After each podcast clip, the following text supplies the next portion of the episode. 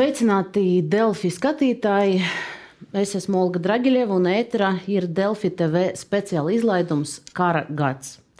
Pēc teju astoņiem kardarbības gadiem Ukraiņas austrumos 2022. gada 24. februārī Krievija uzsāka pilna mēroga iebrukumu Ukrainā. Un šodien kopā ar kolēģiem, Delfi TV žurnālistiem, ēterā mēs runāsim gan par to, kas pēdējo 12 mēnešu laikā ir noticis frontē, gan par to, kā šajā gada laikā mainījusies Latvija un pasaule. Apspriedīsim arī Latvijas kultūras cilvēku atbalstu Ukrainai. Uzklausīsim Latvijas pirmās amatpersonas, ekspertus, kultūras cilvēkus. Bet pirmā šīs pārraides stunda tiks veltīta tiem cilvēkiem, kuri visciešākajā veidā ir izjutuši šo karu, sazinoties ar saviem radiem, kuri atrodas Ukrajinā, jūtot līdzi savai dzimtenei. Un arī pieredzot šo karu un bēgot no tā. Mēs esam uzaicinājuši uz studiju Latvijā dzīvojušus ukrāņus un latviešus ar ukrāņu asinīm, saknēm, lai pirmajiem dotu vārdu tieši viņiem. Neliela piebilde RTV skatītājiem. Jūsu ekrānos būs, redzams, uh, tikai, būs redzama tikai šī mūsu speciāla izlaiduma pirmā daļa, un pārējais ir atrodams uh, Delfi portālā. Es uh, stādīšu priekšā viesus bērnu ārste Dana Sarava. Sveiki! Sveiki. Jāna Streļica, Latvijas Ukrāņu kongresa valdes priekšsēdētāja. Mūziķa Katrīna Gupala. Un arī divi cilvēki, kas pirms gada dzīvoja Ukrajinā un patvērumu ir raduši Latvijā. Kafejnīcas Borša administratora Irina Pasičnē. Labdien! Un mūziķis Edgars Vilcāns. Labdien! Mans pirmais jautājums ir visiem, un es gribēju sākt sarunu ar jautājumu, nu, kad ir tā galvenā sajūta jums šodien? Par ko un ap ko šodien ir jūsu domas? Es tāpat kā arī daudzi mani draugi vakar sāka atcerēties visu, kas notika 23. datumā. Mē, nu, kaut kā tas pats par sevi notiek. Tu atceries to atmosfēru, tu atceries to garastāvokli, tu atceries, ka cilvēki kopumā jau bija gatavi, ka kaut kas notiks pavisam drīz. Un, um, kad 4-5 no rīta visa valsts pamodās, Daudzi mani vismaz draugi ar, par to diezgan mierīgi runāja. Zvanot un jautājot, nu, ko kādu domā sākās. Es dzirdu lidmašīnas, dzirdu sprādzienus. Pat uh, nevarēju uzreiz uh, to aptvert. Tu dzirdi sprādzienus, bet tik un tā domā, nu, varbūt pērkons, nu, varbūt vēl kaut kas. Ar smadzenēm tu saproti, kas notiek, bet nu, pieņemt to nevarēja kādu pirmo stundu. Nu, un pēc tam jau katrs sāka mm, domāt, ko darīt tālāk, kā tālāk dzīvot. Palikt mājās, jeb braukt prom. Nu, bija daudz variantu, glābt radiniekus, jeb otrādi braukt pie kaut kādiem radiniekiem. Nu, kaut kā tā. Es uh, jūtos diezgan līdzīgi. Man ir tāda sajūta, ka es atkal izdzīvoju to pašu sajūtu, kas bija 24. februārī. Tas ir kaut kāds iekšējs nemieris, kaut kas spiež, ir kaut kāda trauksme. Nu, labi, es noteikti nejūtos īsumā. Es to tā varētu rezumēt. Nu, Edgars teica, ka nevarēja pieņemt to kādu pirmo stundu. Es gribu teikt, ka karš Ukrajinā notiek, un tas arī nav pareizi, jo karš jau nav nekāda dabas stihija, kas notiek. Ir cilvēki, kas šo karu karo. Un tā tad Krievija, un, diemžēl visa Krievijas sabiedrība, kura nenostājas kategoriski Ukraiņas pusē un ļaut tam tā notikt. Karo ar Ukrajinu jau 10. gadu 20. februārī faktiski ir sācies 10. kara gads. Un es gribu teikt, ka diemžēl ir tā, ka visus šos deviņus gadus mēs esam stadijā, kad mēs laikam to nevaram pieņemt. To droši vien arī nav pareizi pieņemt. Droši vien arī ir jādzīvo stāvoklī, ka tas nav normāli. Tu negribi to pieņemt un gribi izdarīt visu iespējamo, lai tas ātrāk beidzas. Un, nu, tas, protams, nekad neaizmirsīsies. neaizmirsīsies. Es gribēju teikt, aizmirst to kā ļoti sliktu sapni. Protams, mēs nekad to neaizmirsīsim. To arī aizmirst nevajag. To vajag atcerēties un dzīvot tā, lai tas neatkārtojas. Bet sākumā nu, daudz runā arī par to, ka sākumā līdz pēdējiem brīdim nu, bija tā cerība, ka, ka tomēr paies garām, ka tomēr nenotiks. Es atceros to sajūtu arī sev. Kā, vai, kā jums tas bija? Jūs, nu, bija tas pēdējais brīdis, kad, kad šķita, ka nu, tomēr nē. Bija skaidrs, ka tas notiks. Un, teiksim, no savā ziņā tas, protams, var būt ļoti cīniski skan, bet bija arī zināms atvieglojums, ka tas beidzot notiek. Jo sēdēt un gaidīt to var, būt vēl grūtāk nekā. Zinu, ko tur to datums 24. februāra. Es biju mājā. Un es neko nesaprotu, kas notiek. Es nu, neceru, ka karš nu, būs šausmīgs. Jā, es tikai dzirdu tādas bombas, Un, un es nesapratu, ko man vajag darīt. Tāda ziņa situācijā šausmīgi bija. bija nu, pirmā diena. Mēs neceram, ka kar, karš nāk. Nu, tā bija, nu, man bija ļoti grūti to atcerēt. Nu, Bet jums daudziem tuvinieki vēl ir uh, Ukrajinā šobrīd, joprojām. Uh, nu, Vai jūs eh, vēlaties, vai jūs esat gatavi pastāstīt, kas, eh, kas, eh, kā viņiem šodien, nu, šobrīd klājas, kas ar viņiem notiek un, un kur viņi ir? Tā sajūta kopumā no maniem tuviniekiem un arī no draugiem, komunicējot, ir, ir diezgan depresīva.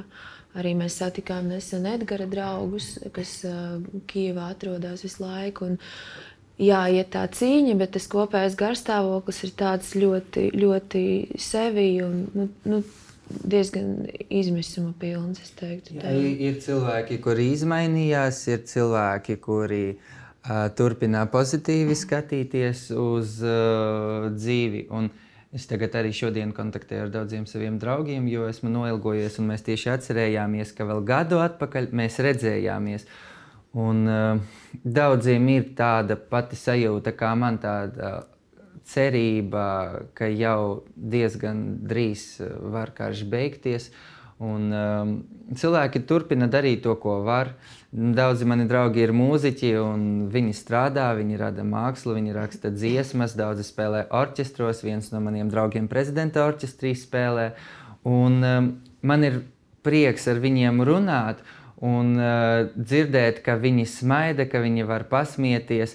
Protams, tā nenotiek vienmēr, un tie draugi, kuri smējas vēl mēnesi atpakaļ, varēja atrasties depresijā, bet gandrīz visi, es zinu, ka jeb izies, jeb jau ir izgājuši, un uh, tagad vienkārši, vienkārši dzīvo un mēģina smaidīt pēc iespējas biežāk.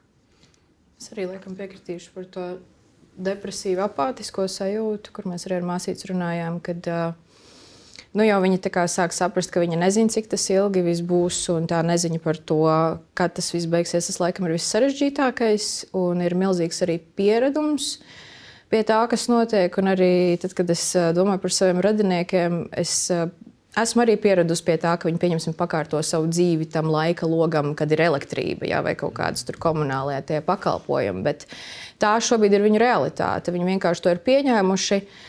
Ir arī trauksme. Es zinu, ka par šodienu ir satraukums, jo ir tās domas, ka varbūt no Černīhības puses būs kaut kāds uzbrukums vai provokācijas. Bet uh, es nezinu, viņi, viņi turās. Viņi principā ir arī tie, kas neļauj man salūst. Bet, nu, protams, balsīs var dzirdēt tādu. Tā kā, ka kaut kas aizlūst, kad tu, tu centies uh, uzturēt to mūžu, bet nu, jau ir pagājis gads.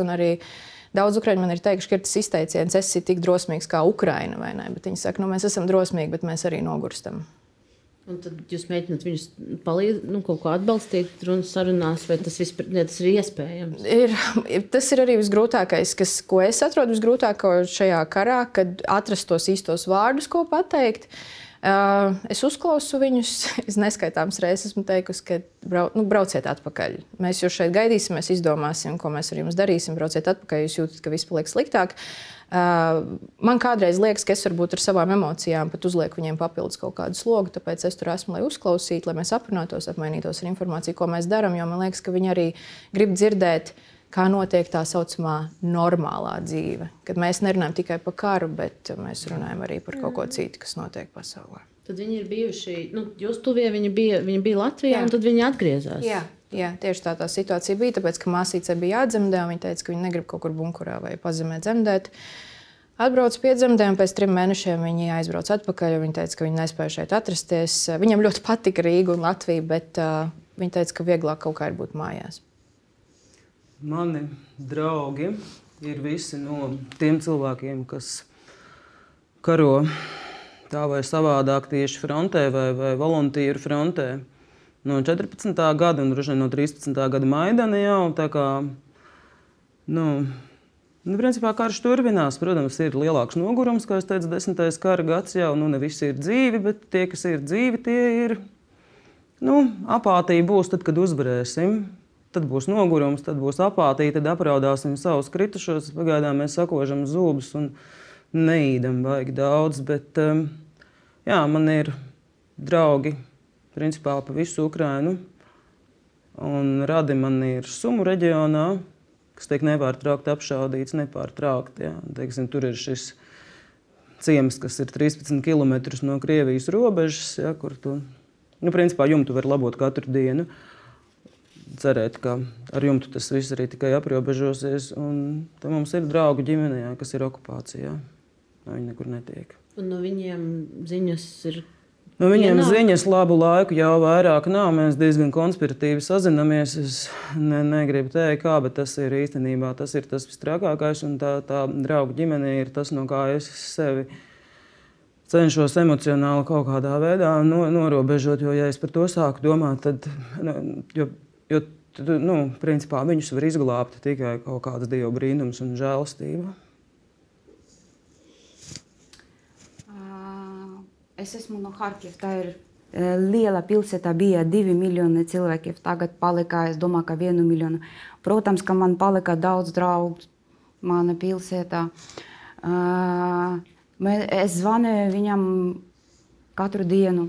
Katru dienu, katru dienu mēs runājam par karšu. Es sapratu, ka viņa, viņam ļoti grūti, nu, ļoti grūti, tāpēc ka tāda situācija ļoti depresīva. Un es, protams, teicu, nu, neuztraucies, nu, mīļi, nu, viss būs labi, viss būs kārtībā. Un, un katru dienu, kad zvanu, es teicu viņam, ka nu, viss būs labi. Ot, nu, bet situācija tāda ir, nu, Harkivā, nu, ļoti slikta. Jā, nu, nav gaisma, nav ūdenē, kaut kā tāda problēma vispār. Bet zini, ko Ukraina ir ļoti stipri. Ot, ļoti stipri. Un es ceru, ka viss būs labi. Protams, un, un es katru dienu teicu manam draugam, ka viss būs labi. Viss būs jāpagaida drusciņi, drusciņi jāpagaida, un viss būs labi. Jā, jo dažreiz uzdot jautājumu, piemēram, man, uh, ko stāsta tie ukraini, kuri ir konkrēti Ukrainā. Bet uh, katrs eh, no mums var izstāstīt kaut ko citu, jo, piemēram, daudzi mani draugi atrodas Kievā. Kievā ir plus-mínus droši. Tur ir eh, tā pretgaisa apsardzības sistēma ļoti laba, un raķetes uz to novirzienu lido regulāri, bet gandrīz visas tiek notriektas. Rezultātā viņi var darīt to, ko darīja arī gadu atpakaļ. Nu, gandrīz vai. Un viņu garastāvoklis ir viens. Tie, kuri tuvāk frontei dzīvo, jeb tie, kuri karo, jeb tie, kuri atrodas okupācijā, tas ir absolūti cits garastāvoklis un cits stāsts. Tāpēc varbūt arī labi, ka katrs var pastāstīt, jo milzīga valsts ar 45 miljoniem iedzīvotāju, nu vismaz tā bija pirms karš sākās, un tāpēc katram tie stāsti atšķiras kardināli. Bet, bet tas noskaņojums gada laikā, nu, tas ir mainījies. Ir mainījies. Jā, jā, bija ļoti slikts pirmos mēnešus. Pēc tam, piemēram, es varu stāstīt atkal par draugiem no Kievas, kad um, atzina prom Krievu armiju no Kievas un Kievas apgabala. Protams, cilvēki atkal gribēja dzīvot, braukt ar sabiedrisko transportu, dzert kafiju, iet uz darbu. Nu, cilvēkam vajag vienkārši dzīvot, darīt to, ko mēs esam pieraduši darīt ikdienā. Un tas noskaņojums uzlabojās. Pēc tam bija problēmas lielas ar elektrību, ar gaismu.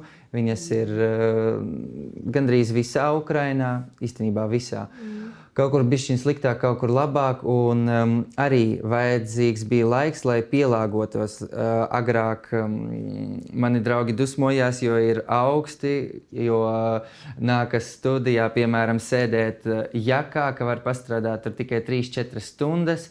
Tagad jau kaut kāda attieksme pret to ir mierīgāka, jau ir pieraduši, jau grafiku saraksta tā, lai paspētu pastrādāt tieši tajās stundās, kad elektrība ir. Un es neesmu dzirdējis uh, kaut kādas sūdzības uz to, jo saprotu, ka tā tagad būs. Tāpēc um, es arī atkārtošos, ka katrs no mums var kaut ko citu izstāstīt par saviem paziņām. Uh, cilvēkiem frontē es arī domāju, ka atšķirās tas garastāvoklis gada laikā. Man tā liekas, vienmēr nu, skatījās uz to, ka ir jācīnas un jādara viss iespējams, bet um, arī ieroču piegāde, nezinu, vai pareizi skan. Mm. Ieroču piegāde atšķiras, un, piemēram, vasarā un pavasara beigās man liekas, ka bija ļoti grūts laiks, kad uh, aizkavēja tās piegādes un bija daudz mazāk uh, Kā būs bojapripāsies, ļoti atvainojos. Munīcija? Jā, man liekas, ka tā munīcija. Nu, munīcijas nepietika, un arī cilvēku gāja bojā daudz vairāk. Tagad mēs redzam, ka gan tankus mums dod diezgan lielā skaitā, gan arī citus ieročus. Es domāju, ka tas kopīgais garastāvoklis arī paliek tāds, nu, ja tā var teikt, labāks. Bet tā pasaules reakcija nu, brīžos, kad atsaka piegādāt vienu vai otru pieprasīto to ieroču grupu, vai, vai kad paziņo kaut ko atbalstošu, vai atkal nu, tie Makrona tie dažādi paziņojumi, kas tika ļoti kritiski uztverti, tie ietekmē to, to sajūtu par. par Par realitāti. Tad jums tankus, ja nebūs zināms, ka tankus Krievi nesabombīs pilnīgi par šo manu, man ir absolūts miers. Tiklīdz mēs uzzinājām, ka uz Ukrajinu ved patrioti, ka Ukraiņai dod tankus, visas, domāju, mēs visi varam ieelpot, izelpot Jā. un dzīvot absolūti mierīgi. Viss ir drošās rokās. Jā, tāpat bija arī ar Haimarsiem, kad visi gaidīja un dusmojās, nu kāpēc tik ilgi, bet tos karavīrus vajadzēja apmācīt lai viņi zinātu konkrēti, ko ar tiem ieročiem darīt. Jo neviens negrib, lai tik eh, nopietna tehnika mm, paliek ienaidniekam, mm. jeb paliek sabombardēta, iznīcināta, jeb eh, paliek tajā ienaidnieka pusē. Tāpēc, protams, loģiski, ka viņi par to uztraucās. Es eh, ne līdz galam varu saprast, kāpēc tas notiek dažreiz ļoti ilgi, bet nu, kā ir, tā ir. Tagad tiešām man liekas, ka pēdējās ziņas ir ja tā var atkal teikt, diezgan pozitīvas. Pēdējās ziņas jau vismaz no augusta. jā, jā. es domāju, ka ticām ZSU un, šajā, un rietumu atbalstam, un šajā ziņā mēs varam būt absolūti droši. Nu jā, un arī parāk daudz kritizēt, nevajag un nedrīkst. Un bija dažreiz ļoti nesmukas no, man liekas, Ukraiņu valdības puses, nu, tādi komentāri um, tam pašam Šolcam, jeb Makronam, un kā tur tikai neapsaukāja arī mēdījos. Un tie cilvēki tagad mums dod ļoti daudz ieroču. Un, uh, nu, nu, nedrīkst, nedrīkst, kā saka, kost roku, kura baro. Bet nu, tagad mēs redzam, ko redzam. Un, paliek labāk. Eh, ja mēs runājam par, par, eh, nu, par, par tiem eh, cilvēkiem, kuriem bija jāiedzīvojas Latvijā, Rīgā, un varbūt gan no pašu pieredzes, gan no tuvo pieredzes, jūs varat pastāstīt, kā ir gājis un, un kas ir palīdzējis šajā laikā, un kādas ir bijušas tās grūtības, kas bija jāparvar. Nu, es tad varbūt uh, sākšu. Uh, manai atbrauca kaut kad 18. martā. Man liekas, ka tas bija 18. marts. Tad vēl bija Bēgļu centra kongresa namā. Es atceros, mēs uz turieni gājām, un nu, visi raudāja, protams, visi visu laiku raudāja. Bet uh, tas, kādā ātrumā tās lietas manēja, konkrēti manēja radinieki, taboja gan arī ģimenes ārstu, medicīnisko palīdzību, ginekologu, visu, visu, visu kā tika risināti jautājumi par medikamentiem, un, un dzīvokli un atbalstu un visām pārējām lietām. Man liekas, ka nevar tā būt, ka viss saliekās tik kaut kā loģiski, ātri, un, un ka visi ir gatavi palīdzēt gan ar drēbēm, gan ar apģērbiem, gan ar gultām maziem un tā tālāk un tā joprojām. Uh, es neko tādu nebiju piedzīvojusi iepriekš uh, savā dzīvē. Un, uh, es jau vien tās reizes esmu teikusi Latvijai milzīgi paldies. Un arī manējai paldies par to saka, mums faktiski grūtību nebija. Es tādas nebiju piedzīvojusi. Arī kaut kādu sliktu attieksmi nebijām mēs arī piedzīvojuši. Līdz ar to tā gan manu radinieku pieredze, gan arī mana pieredze ir tāda, kas man joprojām uzsit ļoti daudz emocijas un milzīgu pateicību visai Latvijas sabiedrībai un Latvijas valstī. Vienmēr varēja atrast kādu, kurš bija gatavs jebkurā laikā nākt palīdzīgā. Irīna, varbūt, varbūt jūs varat pastāstīt, kā, kāda ir jūsu, jūsu jā, jā, pieredze? Jā, protams, um, es atbraucu uh, šeit Latvijā ar savu ģimeni, ar savu meitu un ar savu māmiņu Marta. Protams, mums bija nu, ļoti grūti. Pirmā mēneša mēs visi raudājām. Man bija tāda baiga, liela stresa, liela stresa. Un es domāju, ko man darīt. Es nesaprotu, ko man darīt. Un zini, ko? Es tā, man domāju, ka man vajag kaut ko darīt. Un es padomāju, ka es mācos latviešu valodu. Kad es atnācu Latvijā, es vispār neko nezinu. Nevienu vārdu, tikai paldies un labdien! Un visi, ja?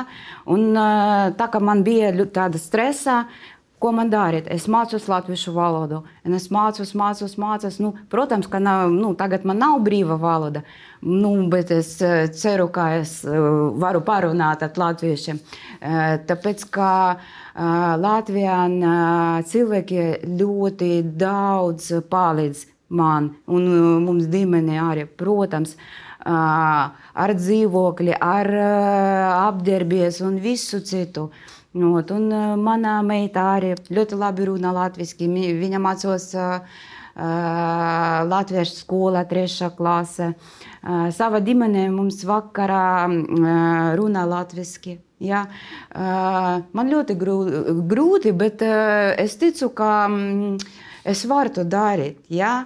Man gribās runāt latviešu, nav krieviski. Nu, Jūs saprotat, kāpēc man negribas runāt krieviski. Ja? Mm. Tā, mm, nu, to es runāju latviešu. Man ļoti patīk. Un daudz cilvēkiem mums palīdz. Daudz cilvēkiem. Jā. Jūs fantastiski runājat. Jā, fantastiski. jā, jā, protams. Jā, paldies. Jā. laikā to Jā. Jā, Jā, jā. 11 mēnešu laikā, jo vienu mēnesi jūs domājāt, ko darīt. un- Jā, jā, jā, tā bija. Pat jā, ne jā, protams, protams. Kas būs pēc vēl viena gada? Vispār nevarēs atšķirt. Bet meitai skolā arī um, viņa gūst palīdzību, lai kā, kā viņa arī tik ātri iemācījās. Tad viņai palīdzēja. À, nu, eh, zini, kā es tā domāju, ka bērni, jā, nu, viņi tā labāk eh, situāciju tā. Jā. mammas pozitīvā attieksme, ka tas jā. ir vajadzīgs Nu, un es tas tā ir tas, sapratu, kas ka es jādara. eh, visu laiku raudu. Viņa skatās ar mani, un ko viņa arī rauda. Ja? Tāpēc es sapratu, ka man vajag kaut ko darīt, man eh, vajag eh, darbs, man vajag mācīties un, eh, un citu. Ja? O, tāpēc, ka mana meitene redzi man, ko es daru, tad viņa dara būs mm. tepat. Ja? Un, tagad es strādāju kafejnī, Ukraiņā, kafejnīca Boršs. Mēs gatavojam ļoti garšīgi, jā, un Latvijas cilvēki nāc pie mums, un, protams, visam patīk. Es ļoti priecīga par to. Lūdzu, nāc! Nāc, pamēģinā Ukraiņu ēdienu, ļoti garšīga. Jā. Tā ir par boršu varu apliecināt. Jā, jā, jā, borša, tur, jā, tur ir jā. jāiet. Rīga jau ir bijusi. Jā, Boršā jā, vismaz jā, vienu jā, reizi. Jā, jā. Tā ir Ukraiņa nacionāla ēdiena, ļoti garšīga. Un es priecīgā, ka mēs gatavojam par Latvijas cilvēkiem. Es gribēju teikt, ka mana personīgā bēgla, kas bija atbraukusi tieši no Donbass, no um, frontes zonas, nu, bija no tiem nu, droši vien mazliet cita kaluma cilvēkiem, kuri bija iedomājusies, iespējams, ka šeit ir uh, piena upes ķīseļu krastos. Viņi negribēja strādāt. Uh, Valodu mācīties, visu laiku stāstīja, ka grib, bet arī labdien un paldies neiemācījās. un Pēc viņa augustā jau aizbrauca atpakaļ uz Ukrajinu. Nu, ir cilvēki, jā, kuri negrib mācīties, bet uh, zina, ka drīz, jebkurā gadījumā, nu, zināt, nevar atkal, bet uh, ir pārliecināti, ka brauks prom. Kaut es uzskatu, ka, ja jau tu atrodies citā valstī, vismaz kaut kādas pamatlietas, jebkurā gadījumā ir jāzina. Nu, tā ir cieņa pret uh, cilvēkiem un sabiedrību, kurā tev palīdz. Un vispār man izmainījās skats uz dzīvi pa šo gadu, jo es nezināju, ka cilvēki var tā palīdzēt. Godīgi sakot, ļoti daudzi ukrāņi stāsta par palīdzību, bet es tiešām nezināju, ka cilvēks var gatavs ielaist citu svešu ģimeni pie sevis mājās, piemēram, un ļaut dzīvot tik ilgi, cik tas ir nepieciešams iedot drēbes, um, iedot ēdienu, iedot naudu, ja vajag. Es uh, saprotu, ka situācija ir um, drausmīga, bet es tiešām nezināju, ka cilvēks mēdz būt tik ļoti labsirdīgs. Un manā gadījumā arī bija tā, ka mēs uh, ar mammu atbraucām, uh, mazāko brāli Dažas dienas pirms, ka, pirms karš sākās, mēs aizsūtījām pie tēva uz Londonu, kamēr vēl strādāja lidosta, jo nu, mēs jau bijām pārliecināti. Es arī tur šovu biznesa sfērā strādāju, un man bija cilvēki, kuriem bija arī sakari valdībā, un no turienes gāja ziņas, ka nu, jebkurā gadījumā jau uzbrukuma plāns ir gatavs un viņš tiks realizēts.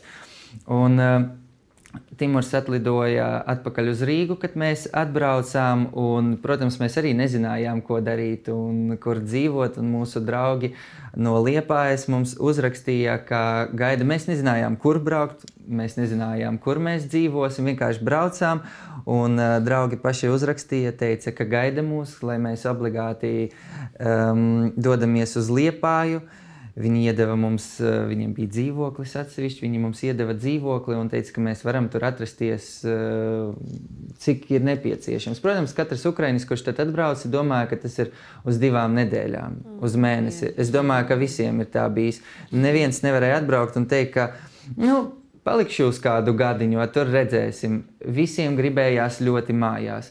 Un, uh, Kad mēs sapratām, ka mm, ļoti ātri viss nebeigsies, mēs sākām braukt uz Rīgu un sapratām, ka ir jāstrādā, arī jākustas, kaut kas ir jādara. Un mēs regulāri braucām uz Rīgu, kas bija, protams, ļoti nu, nērti un dārgi. Kaut kādās viesnīcās nakšņojām, jo mamma meklēja darbu, es meklēju kaut kādus kontaktus, mūziķus un cilvēkus, ar kuriem var kaut kā strādāt.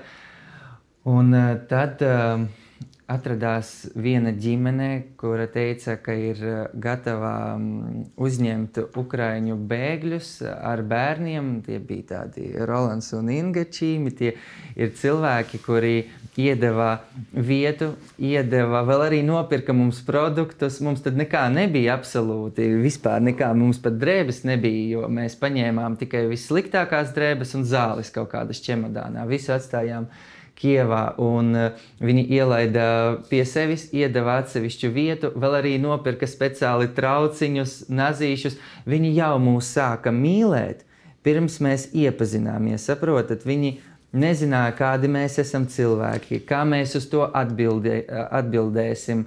Vai mēs tiešām būsim pateicīgi, vai mēs esam vispār patīkami, jo nu, Ukraiņi mēs būtu dažādi absolūti. Bet bija tāda sajūta, ka viņi jau mūs mīlēja tajā brīdī, kad mēs uh, tikai piebraucām pie mājām. Un, uh, tie cilvēki palika mums tagad par vēl vienu ģimeni. Es nezinu, kā mēs bez viņiem dzīvosim. Pat kad um, mēs tagad atsevišķi, es atsevišķi dzīvoju Rīgā, bet uh, mēs tiekamies regulāri, sazinamies, un es pret viņiem nu, gandrīz kā pret vecākiem izturos. Un uh, vienkārši tas fakts, ka viņi jau visu savu sirdi ied, nu, atvēra pirms mēs jau avansā. avansā jā, tas mani nobrīnīja, un es sāku savādāk skatīties vispār uz cilvēkiem, uz viņu uzvedību. Es nezināju, ka tas ir iespējams. Es domāju, ka vispār šis gads ir ļoti daudz ko nu, atvēris acis. Gan labā ziņā, gan arī sliktā ziņā. Visa, visa pasaule ir tiešām palikusi tāda nu, melnbaltāka. Jā, jā, jā, skaidrāk palika nu, tā glupi teikt, kurš ir kurš, bet, nu, jā, bet nu, kaut kā tā, jā. Tā arī ir. Nu, mana pirmā pieredze bija uh, tieši meklējot no otras puses, meklējot ukrāņus, es uh, arī sākumā, nu, kā mēs visi šeit Latvijā bijām, bija pilnīgā nu, arī panikā, neziņā, ko lai es kā mūziķis, kas nu, neko nemāku liederīgu šajā situācijā darīt, ko es varu no sevis piedāvāt. Nu, es sapratu, ka, nu, es iedomājos, kāda būtu situācija, ja es būtu tagad svešā zemē, man nebūtu nekā, un man tagad būtu kaut kā nezināmu laika sprīdi, jo neviens nezināja, cik tas ilgi būs, un joprojām viens nezina. Var tikai ticēt un cerēt, ka tas drīz beigsies. Ir, ir kaut kā jādzīvo, un skaidrs, ka tas pirmais, protams, ir ir, lai tev ir kur dzīvot, lai tev ir kur ēst, lai tev ir medicīniskā palīdzība. Bet tālāk tev ir šis laiks, un tev ir, ir kaut ko jāizpilda. Un es saprotu, ka es kā mūziķis varu meklēt citus mūziķus, jo es viņus saprotu, un Latvijā man ir kaut kādi kontakti, paziņas, un es varu tieši ņemt mūziķus savā uh, kaut kādā paspārnē un aizbildniecībā, un viņiem uh, palīdzēt uh, dzīvot tā, lai viņi var strādāt tieši savā jomā un darīt lietas, kuras viņi mīl. Un tādā veidā es iepazinos ar fantastiskiem ukrāņu mūziķiem, arī ar Edgars un arī ar uh, ukrāņu dziedātājām, ar kuru mēs jau kopā esam tādas ne tikai uh, dziedātāju grupa, bet arī uh, draudzenes. Tur kopā um, nezinu, sēžam, uh, ēdam, gatavojam vienu otru, atbalstām. Jo, protams, ka viņām arī ir uh, ģimenes, daudzi tuvinieki. Vienai no viņām tagad tieši vīrs iet karot, otrai vecāki ir okupētajā teritorijā. Tā kā tie stāsti ir ļoti, ļoti grūti, un mēs vienu otru mēģinam kaut kā atbalstīt un sasildīt, un arī, protams, caur mūziku un caur profesionālā darbību, jo tas dod enerģiju un tas dod kaut kādu, nu, es no rīta pieceļos un man ir plāns, ko es daru, mm. nevis es sēžu un raudu un nezinu, kas, kas tagad būs. Bet kas vēl ir tas, kas palīdz šajā laikā nu, kaut kā sevi turēt kopā un, un, un, un tiešām nu, dzīvot pilnvērtīgi, cik, cik vien tas ir iespējams?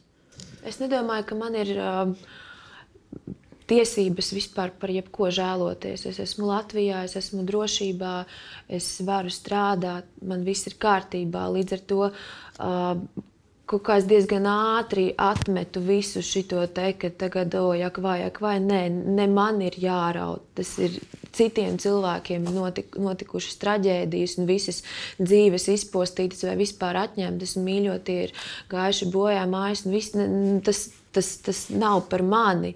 Es varu tikai mēģināt kaut kā palīdzēt. Teikt, ļoti absolūti precīzi. Arī manas domas nav tiesību īdēt, nav tiesību ieiet kaut kādā sevis žēlošanā, vispār kaut kādā nekonstruktīvā žēlošanā. Ir jādara viss frontē un uzvarē.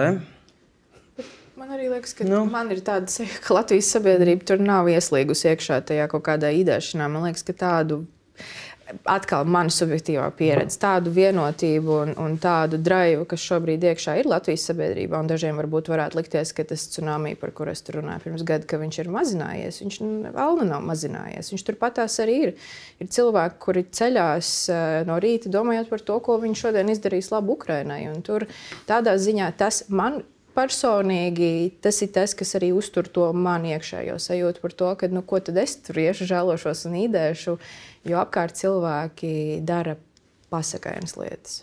Bet, jā, nu tā jūsu frāze pirms, pirms gada gājienā man šķiet ir kopumā tā, nu, definējusi to, to, to mūsu attieksmi. Tā ļoti nu, precīzi atspoguļoja. Kaut kā man tur tas bija kaut kāds mans emociju uzplūds, un tas bija tas, kā es toreiz vizualizēju tajā galvā. Un, ja kādam tas ir aizķēries, man ir prieks, bet es vēlreiz gribu vienkārši uzsvērt to, ka nav nekas mazinājies. Pat ja liekas, ka mēs esam aizmirsuši, mēs noteikti neesam aizmirsuši. Bet kopumā, kad, kad, kad jūs vērojat, kā karš tiek atspoguļots medijos, politiķu runās, lasot nedodievas komentārus sociālajos tīklos, tad, tad nu, kas ir tas, ko jums šķiet, ka cilvēki varbūt nu, visbiežāk nesaprot, vai kas tur neizskan kaut kas, kam, nu, ko, ko būtu jāsaprot. Krievijas atbalstīties separātisti. Šādai Jā. frāzē būtu jāizzūd vienu reizi un par visām nav. Krievijas atbalstīto separātistu ir Krievijas algotņi, Krievu militāri personas, Krievu karavīri. Nav viss aizmirstam to. Tas ir kā no 14. gadā sākās, sevišķi rietumu presē. BBC vēl šodien var mierīgi ielikt. Krievijas atbalstītie separātisti nav tādi. Un tieši tāpatās arī šis nav Putina karš, šis ir Krievijas karš. Ar visām sakām no tā mēs nedrīkstam vainot vienu personu. Tas ir pārāk naivi. Jā, es varbūt papildināšu to. Varbūt atkal es dzīvoju tajā vidē, kur runā par karu jau no tā 14. gada, un līdz ar to es esmu iemācījusies atpazīt kaut kādas Krievijas propagandas, tos mēģinājumus iefiltrēt kaut kādu nepareizu informāciju. Man liekas, ka kādreiz sabiedrībā es arī novēroju to, ka vēl līdz galam mēs neesam iemācījušies saprast, e, kad izmantojot dažādas frāzes vai pasniedzot informāciju kaut kādā noteiktā formātā, tas rada dažos cilvēkos šaubas. Līdz ar to tas, man liekas, ir tas uzdevums, kurš mums kā sabiedrībai ir jāiemācās atpazīt Krievijas pirkstu, jo viņš ir visur, diemžēl. Nu, diemžēl, jā, mums publikācija. Neatkarīgās žurnālists publikācija par to, cik briesmīgs Azovs joprojām pieejama visos mm. internetu resursos, un nekāda adekvāta reakcija uz to arī nav sekojusi no, no publikācijas autors.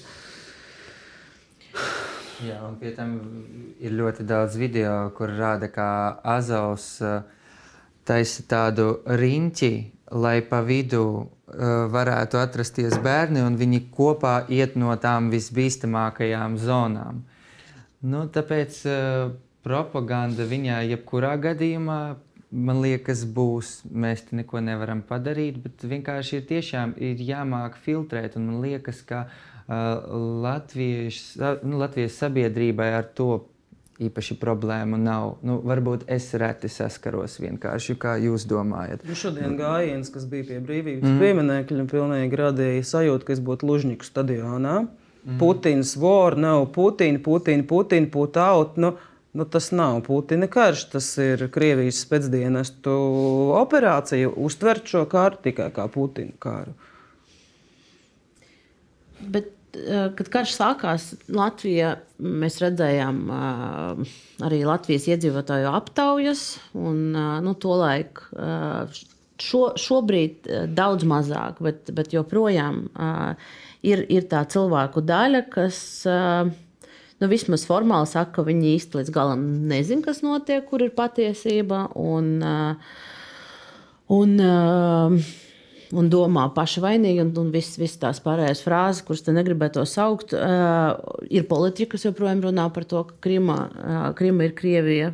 Arī šajā studijā tas ir izskanējis. Un, uh, kad karš sākās, likās, ka nu, tuliņ tā realitāte, tās kara šausmas aizies, cilvēki ieraudzīs un nevarēs vairs, nu, ne, nav, nebūs iespēja pretoties un, un uzskatīt kaut ko, kaut ko un, un, un piekrist tai propagandai.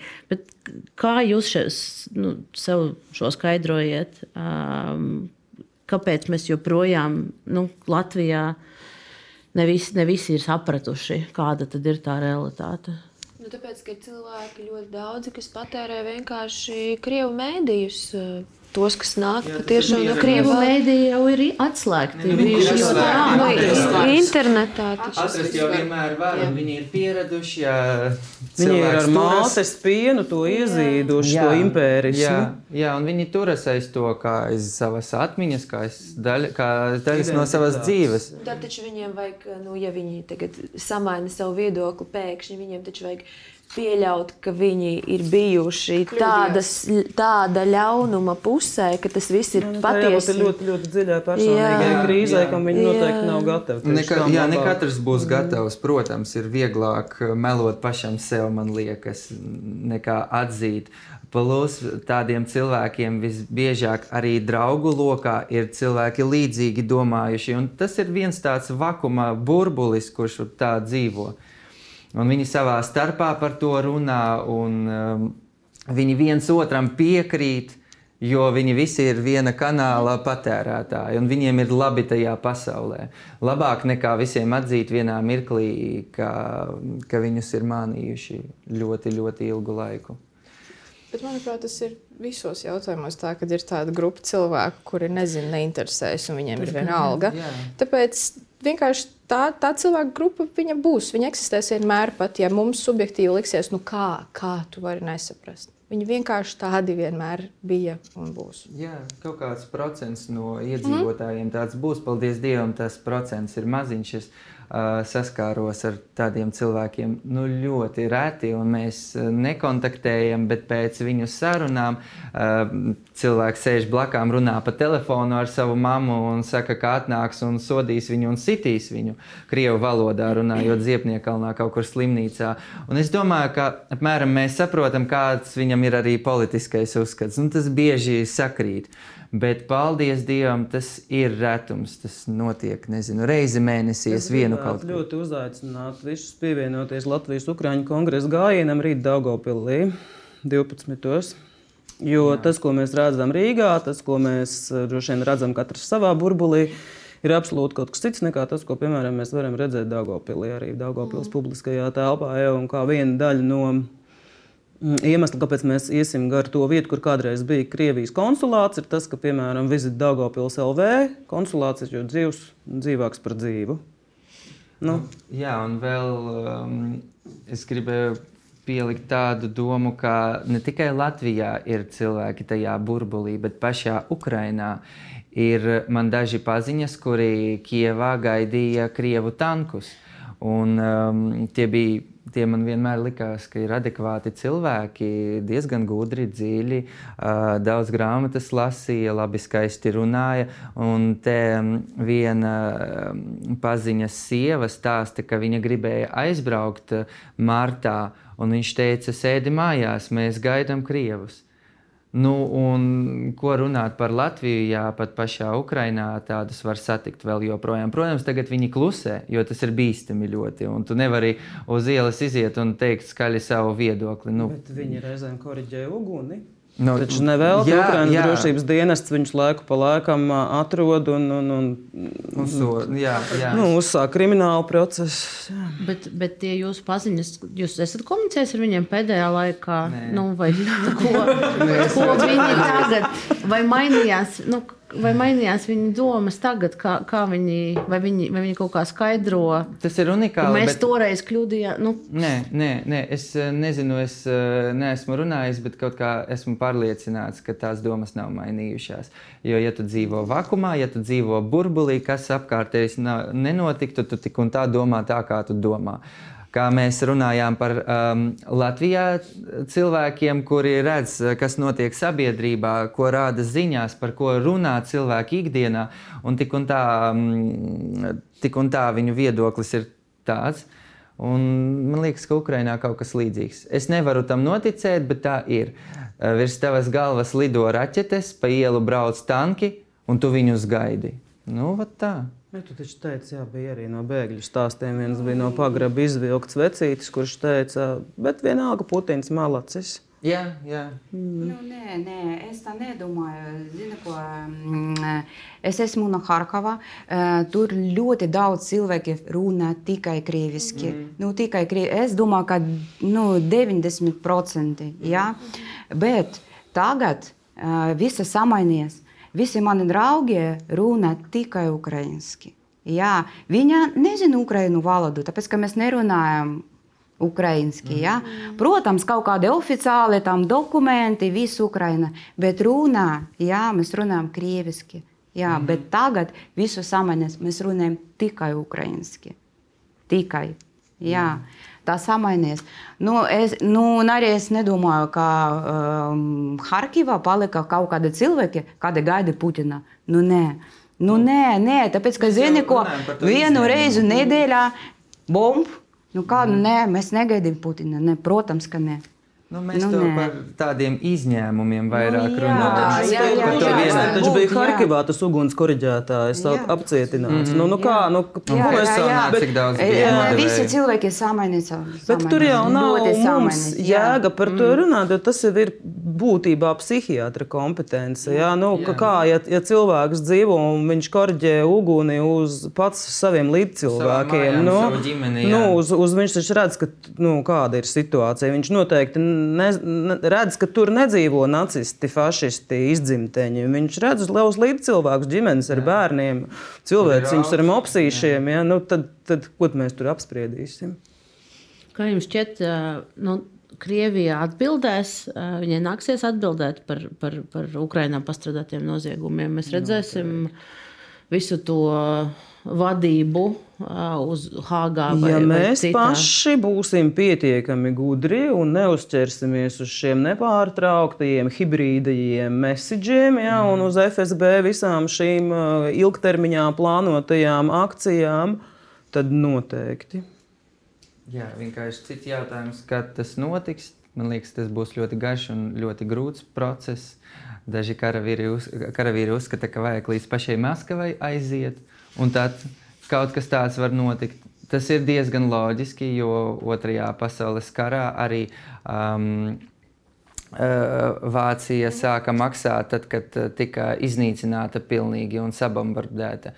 Diemžēl tas, tas ir briesmīgi, jo cilvēki gāja bojā, bet tas bija vienīgais uh, risinājums. Tāpēc uh, redzēsim. Diemžēl es domāju, nav cilvēka, kurš varētu teikt uh, konkrētus datumus, kad tas var notikt un kā Krievija atbildēs, un vai pie varas vēl joprojām būs Putins. Un viņš to maksās, un es nevaru iedomāties tādu scenāriju. Bet eh, redzēsim, noteikti tas notiks agri vai vēlu. Nu jā, mēs nedrīkstam atstāt iespēju Krievijai revanšēties. Mēs ja nedrīkstam noticēt no vainīgiem. kādu, kādu, kādu to. Um, Es saprotu, ka šīs jautājums varbūt nu, ārpus uh, mūsu visu kompetenci, bet, bet uh, kādu jūs gribētu redzēt to Krievijas nākotni? Nu, proti, ir skaidrs, ka mēs gaidām sag sagrāvi karā. Tas ir, uh, tas, ir soli, tas ir nultais solis, bet kas ir tālāk? Uh, pilnīgi nu, valsts sabrukumu vai, vai reparāciju maksāšanu. Tas ir tas, versijas. Mēs... mēs varam noteikti izstrādāt dažādus scenārijus, mm. variantus, sākot ar betonu sienu, ar krokodiliem, beidzot ar daudzām brīnišķīgām tautas republikām. jā, jā, jā. Ja tur taču galu galā tas viss. Nu, puvums, viņš taču ir pa visu Krieviju mm. un tās visas slimās smadzenes. Un tik daudz cilvēku, ko ar viņiem darīt. Viņus taču tu nesamainīsi, nepārmācīsi, un viņi, viņi dzīvos, Jā. viņu bērni dzīvos. Tas viss tur turpinās būt. Kā, es nezinu, ko ar Vācija, to darīt. Vācijā izgāja to, to, to procesu, Jā. to attīrīšanas, denasifikācijas procesu, kur viņi Nu, tas liekas, arī ir tas analizējums, ekstrapolēt un... Vāciju tieši uz Krieviju. Es domāju, ka tur ir jā, jābūt kaut kādam jaunam scenārijam. Droši vien, cits, jo, ja cita viņi... tauta, cita mentalitāte, absolūti. Cits laikmets, ja, ja mm. tu joprojām 21. gadsimtā ar pieejamiem resursiem absolūti nefiltrē melnu no balta, tad tā laikam ir tava izvēle. Ja tā ir tava izvēle, tad kā mēs viņus varam Es eh, šajā brīdī eh, man eh, jāatradās mazliet neliels pārtraukums mūsu raidījumā, te, un es atvadīšos no RTV skatītājiem un atgādināšu, ka mm, atlikušo šī speciāla izlaiduma daļu, kara gads, ir iespējams noskatīties Delfī portālā. Bet paldies RTV skatītājiem, kas šo laiku bija ar mums. Un Delfi TV studijā mēs vēl īsu brīdi turpināsim sarunu. Eh, es eh, no tādas nu, nu, ģeopolitikas, ja tā varētu, varētu teikt, kad mēs runājam par to, kas, kam jānotiek tālāk ar Krieviju, gribu atkal atgriezties pie, pie jums tajā studijā un atskatoties uz to gadu. Vai jums ir, nu, ir, ir bijuši tādi tā secinājumi, kā tas gads ir jūs izmainījis? Vai, vai jūsu attieksme pret nezinu, dzīvi vai vienalga, vienalga ko?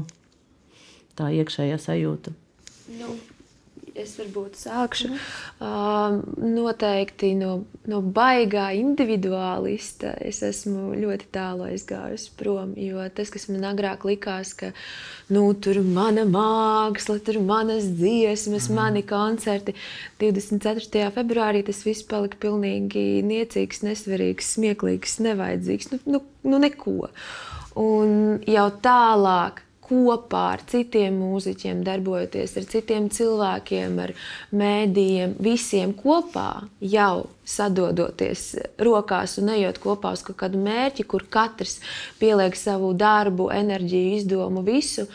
Kaut ko var izdarīt. Viens pats uh, baigais malacis, bet ar to arī nekas liels nevar tikt izmainīts. Un tiešām es esmu noticējusi um, noticējusi cilvēku labsirdībai cilvēku arī talantam.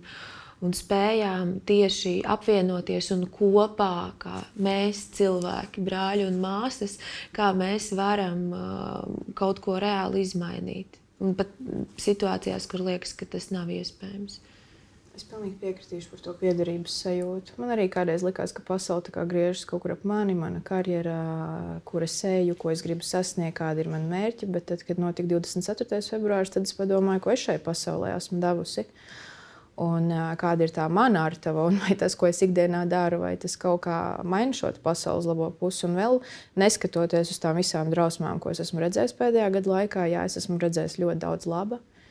Es esmu redzējusi labu, es esmu redzējusi labsirdību, pašaizliedzību.